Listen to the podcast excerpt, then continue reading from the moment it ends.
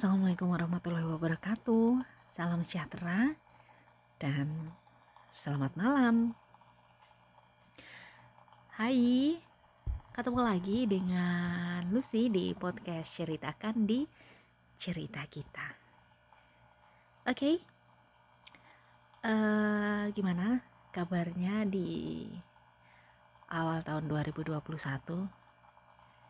Semoga kawan podcast Ceritakan di Cerita Kita tetap semangat ya. Jangan sampai kendor semangatnya ketika sudah di bulan kedua. Untuk resolusi-resolusi yang diinginkan semoga juga bakal tercapai di tahun ini.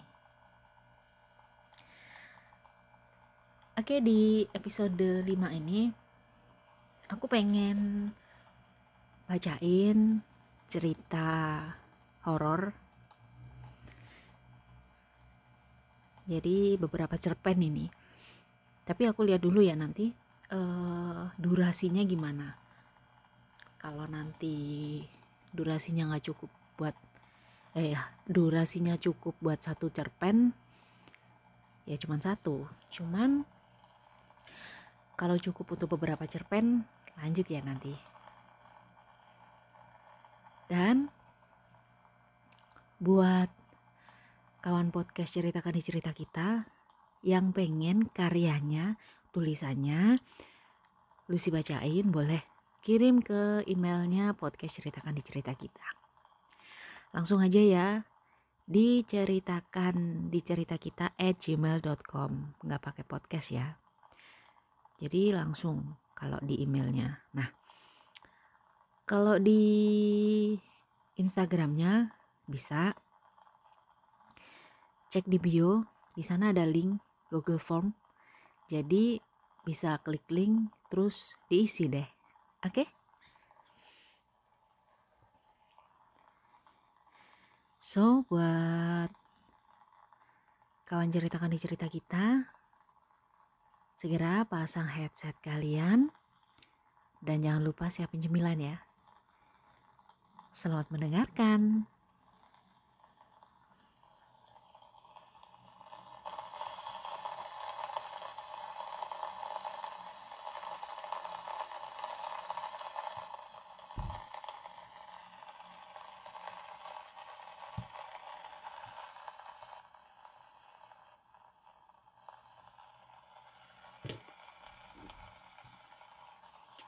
The hotels Bab lantai tiga.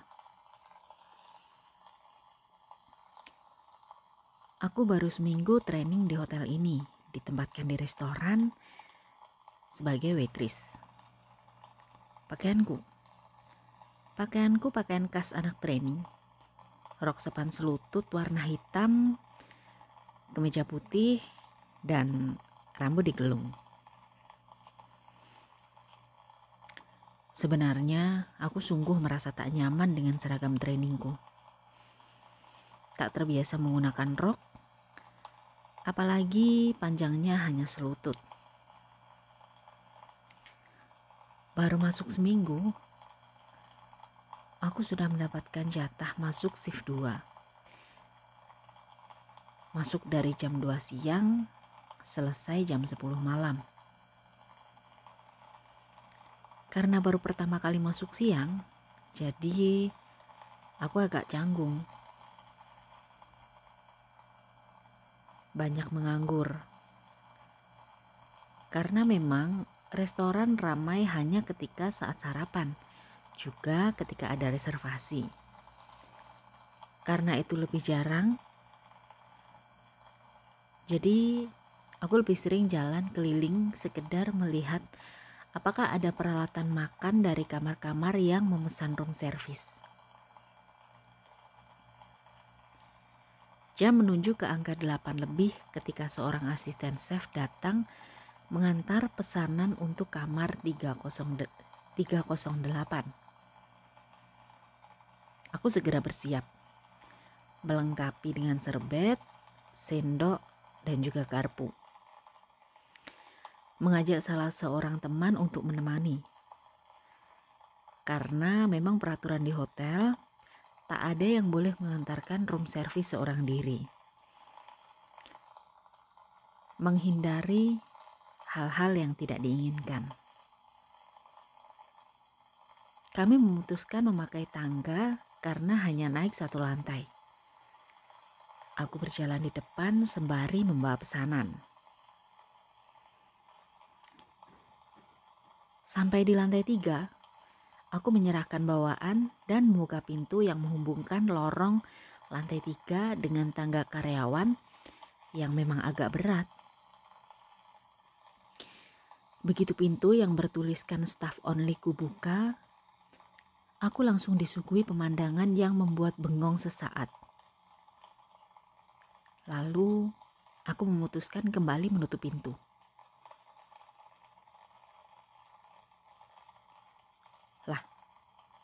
Kenapa pintunya ditutup lagi?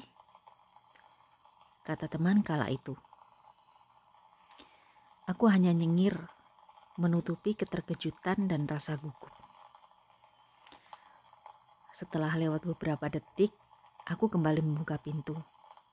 Dan kami melanjutkan mengantar orderan room service dari kamar 308.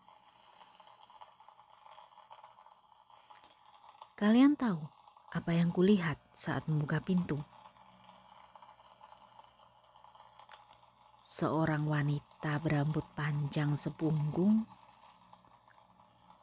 sedang menyeret salah satu kursi yang ditata bertumpuk di sepanjang lorong lantai tiga. Dia tak menggunakan alas kaki. Wajahnya? Aku tak tahu. Dia berjalan memunggungi kami. Aku yakin sekali dia bukan tamu di salah satu kamar. Untunglah hanya aku yang tahu. Andai temanku tahu, mungkin dia akan histeris. Setelah kejadian itu, selama enam bulan training di hotel ini, aku mengalami beberapa kejadian-kejadian yang sulit diterima logika. Selesai. Wah. Buka pintu, disuguhi pemandangan seperti itu. Untungnya nggak noleh. Coba kalau noleh. Udah nggak kebayang deh.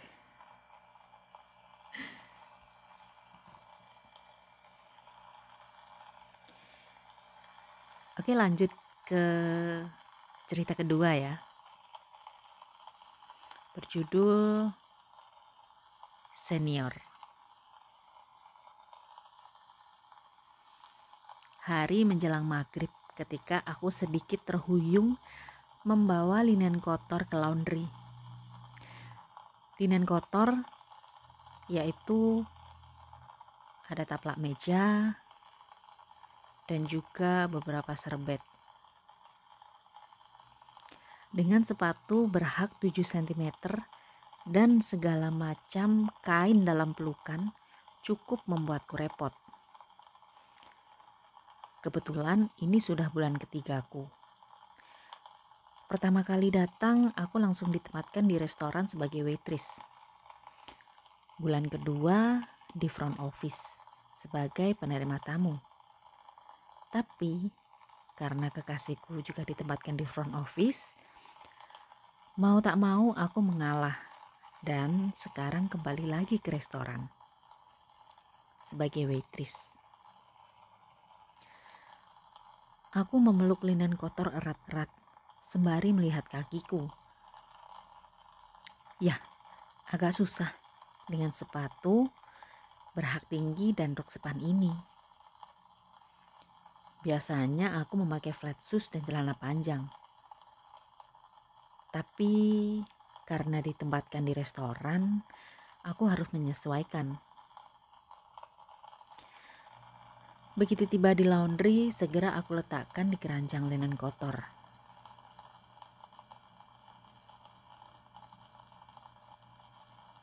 Capek mbak, sapa salah satu anak training. Aku nyengir. Lumayan, yang bikin agak susah gara-gara sepatu berhak tinggi ini. Ujarku sedikit mengeluh sembari memukul-mukul kaki pelan demi meredakan capek. Tak lama, aku segera keluar. Kebetulan tempat laundry ada di basement, selokasi dengan parkir, juga bar, dan ruangan engineering. Aku merapikan kemeja juga rok yang sedikit berantakan di depan pintu laundry. Tak jauh dari tempatku berdiri, salah seorang senior di restoran lewat. Aku hafal dengan postur tubuhnya yang tinggi juga langsing. Mbak, Mbak Putri, tungguin. Seruku mempercepat langkah mengejar. Anehnya, dia sama sekali tak menoleh ataupun memperlambat langkahnya. Dengan langkah panjang, dia menuju lift khusus karyawan yang posisinya ada berdekatan dengan jalan ke arah tangga. Pintu lift berhadapan dengan pintu bar. Lalu, tanpa peduli, langsung masuk ke dalam lift. Aku berlalu menyusul dan segera menekan tombol buka di lift. Saat itu jelas sekali Mbak Putri ada di dalam lift. Bahkan ketika pintu lift nyaris tertutup, aku melihat jelas dia berdiri walau aku tak sempat melihat wajahnya.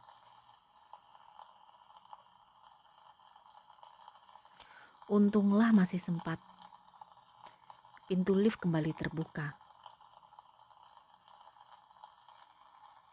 Begitu pintu terbuka, ternyata kosong. Aku celingak-celinguk. Ke mana Mbak Putri? Jelas-jelas tadi dia ada di dalam lift. Tanpa berpikir dua kali, aku segera lari ke lantai dua, lewat tangga. Tak sudi harus naik lift. Selesai.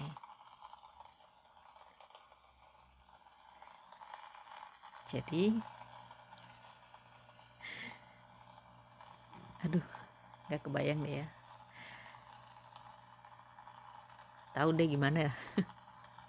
mau naik lift karena nyusul seniornya ternyata begitu pintu lift yang mau ketutup kebuka lagi ternyata kosong. Oh. Kebetulan aku di sini juga tiap hari pakai lift. Cuman nggak pernah nggak pernah ada sih. Biasanya paling bareng sama beberapa penghuni apartemen ya. Nggak sehoror ini sih. Moga aja nggak bakalan ada ke kejadian kayak gini ya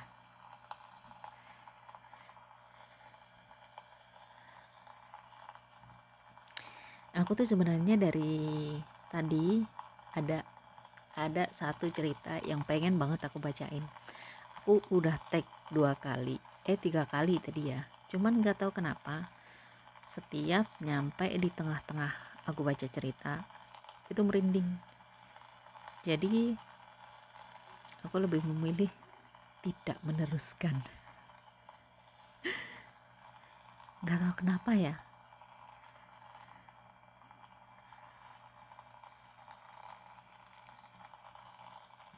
Oke, itu tadi cerita kedua.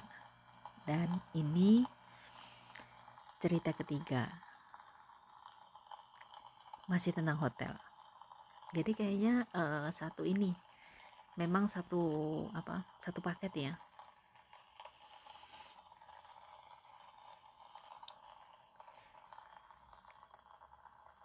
Buat kawan podcast ceritakan di cerita kita yang pengen pengen kirim juga cerita-cerita kayak gini cerita horor atau cerita romantis boleh. Uh, based on true story nggak apa-apa sih cuman sebisa mungkin dibikin cerpen kayak gini ya. Gitu. Oke? Okay? kita lanjut ya. Cerita horor tentang hotel di cerita ketiga. Uh, berjudul kamar 105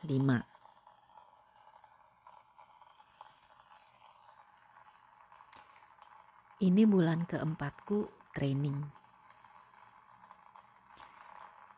Sudah seminggu aku ditempatkan di housekeeping. Pekerjaan utamanya membersihkan kamar-kamar hotel. Dan juga seluruh area hotel. Nah, biasanya housekeeping itu kalau hari Minggu bisa dibilang hari santai di hotel tempatku training. Walau kamar hotel biasanya full karena weekend. Tapi kebanyakan tamu check out siang. Jadi seperti minggu-minggu yang lalu, kami para housekeeper akan bersantai di salah satu kamar. Biasanya sih berkumpul ya. Kadang menonton acara TV, kadang tidur. Kalaupun tak ada kamar kosong, paling kami berkumpul di kantor housekeeping di lantai 4 dekat dengan dapur, menunggu para tamu check out. Kebetulan hari Minggu ini ada beberapa kamar yang kosong.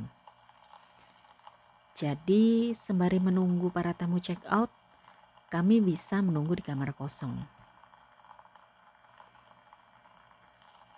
Kamu stay di 105 ya. Nanti kalau ada tamu check out, aku kabari. Bawa nih hati, biar gampang manggilnya. Aku mengangguk. Oh iya, ini bocah berdua jadi tanggung jawabmu ya. Pesan seniorku yang punya panggilan kesayangan Sinchan. Mungkin karena matanya yang sipit juga sedikit bandel.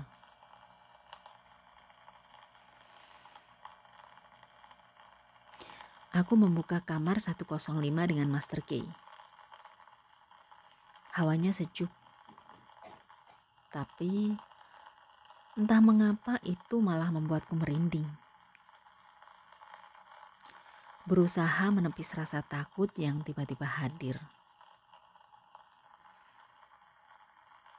Kebetulan aku semalam begadang sampai lewat tengah malam. Jadi aku memutuskan untuk tidur.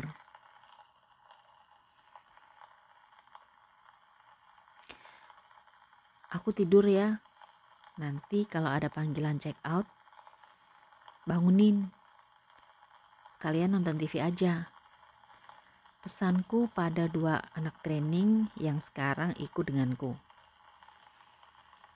Keduanya mengangguk. Aku kemudian berbaring dalam posisi tengkurap sejajar dengan pintu masuk. Kepalaku tepat ada di belakang pintu dengan jarak satu meter. Sedang mereka berdua bersila di sebelahku. Tak lama, aku sudah mulai mengantuk. Obrolan juniorku pun terdengar tak terlalu jelas. Tiba-tiba aku dikejutkan seseorang yang masuk ke kamar. Padahal seingatku pintu sudah dikunci.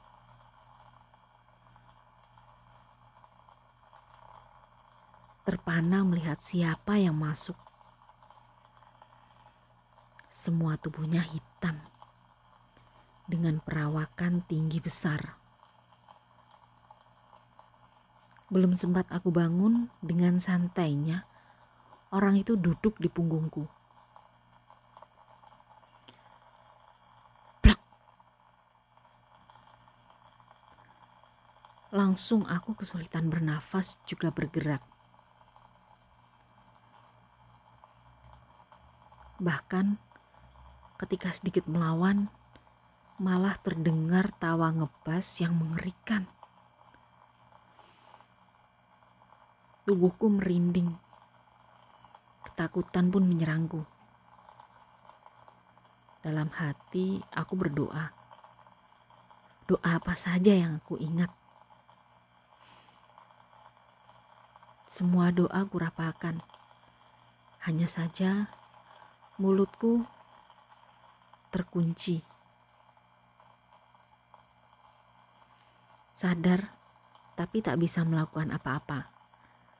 Bahkan obrolan dua bocah itu terdengar jelas. Aku ingin berteriak minta tolong. Tapi bibirku mengatuk erat. Padahal jarak badanku dengan salah satu anak training itu hanya beberapa senti.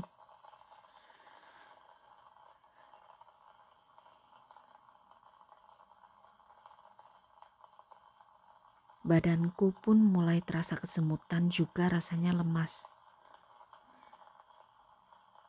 Sampai beberapa menit benar-benar tak bisa melakukan apa-apa. Bahkan beberapa kali sosok itu tertawa terbahak mengerikan.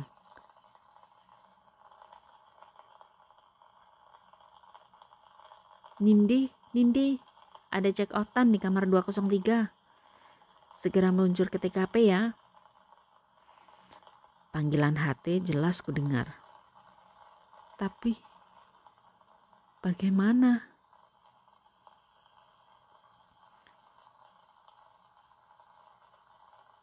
Mbak, ada yang check out. Ujar Indah seraya menjawil tanganku. Seketika itu juga aku langsung duduk dengan keringat membanjir dan nafas tersengal. Melihat sikapku yang seperti itu, Indah dan Rani saling pandang. Kenapa mbak? Tanya mereka penasaran. Aku hanya nyengir, tak ingin membuat mereka takut. Dan sosok hitam tersebut entah ke mana perginya.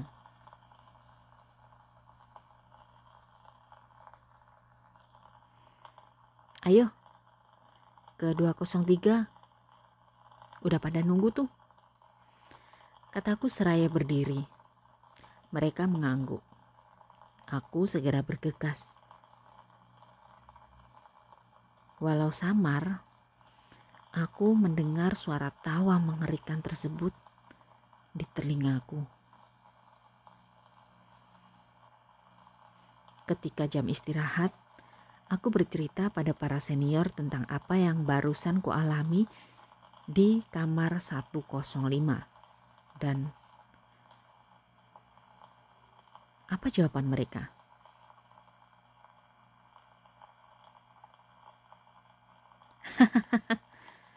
Belum tahu dia. Ternyata kamu kena juga dikerjain sama si item Begitu kata salah seorang senior yang membuatku bengong.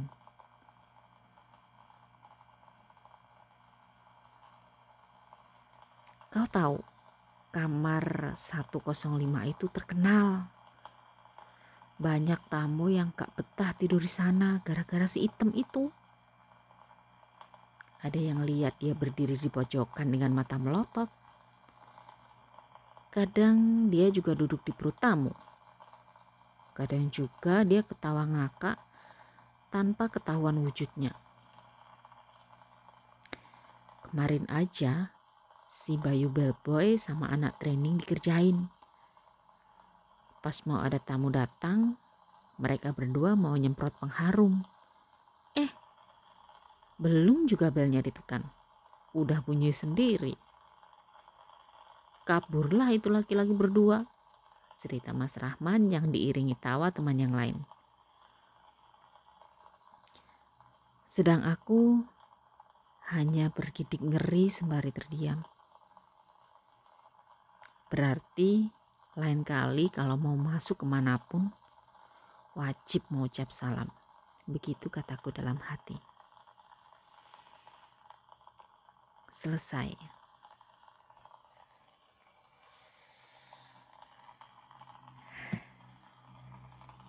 Jadi jadi selalu seperti ini. Kalau aku lagi baca cerita horor kayak gini. Atau lagi denger cerita horor kadang tuh ada yang merinding gitu nggak enak. Makanya cepet-cepet nih.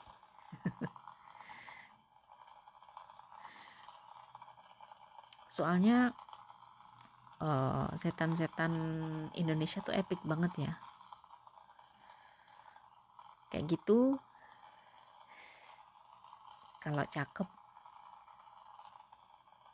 kadang kita nggak sadar kalau itu setan.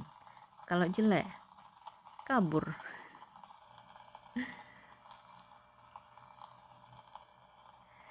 Jadi eh, tadi sudah ada tiga cerpen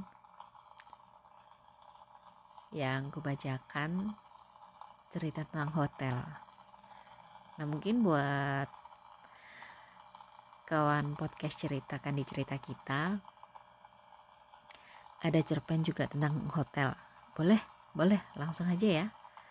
Kirim di emailnya ceritakan di cerita kita at gmail.com atau boleh kirim di Google Form yang ada di Instagramnya podcast ceritakan di cerita kita. Klik bionya nanti bakalan muncul. Ada link di sana di Google Form lebih enak ya Oke, terima kasih buat semuanya. Terima kasih buat yang follow, terima kasih buat yang dengerin, uh, dan juga buat yang ceritanya boleh aku bacain di sini atas dukungannya juga. Terima kasih ya. Mungkin setelah ini nggak tahu kapan sih ya. Aku karena aku nggak uh, apa sih namanya belum bisa ngejadwalin kapan uploadnya kayak gitu. Jadi biasanya sih kayak kalau kayak gini ya wah lagi senggang kayak gitu. Langsung take. Jadi aku belum bisa menjadwalkan enaknya tiap hari apa apa-apa kayak gitu.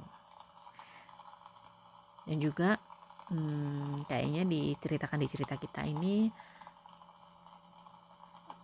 yang mau kirim cerita romantis boleh. Jadi kayaknya harus dikhususkan ya. Nanti cerita romantis di hari ini terus cerita horor di hari ini. Kayak gitu ya. Atau apa aja sih ya? Karena masih baru juga sih jadi konsepnya konsepnya podcast ceritakan di cerita kita itu bacain cerpen teman-teman penulis gitu. Konsepnya begitu cuman uh, aku nggak terima naskah yang berbau sara juga porno.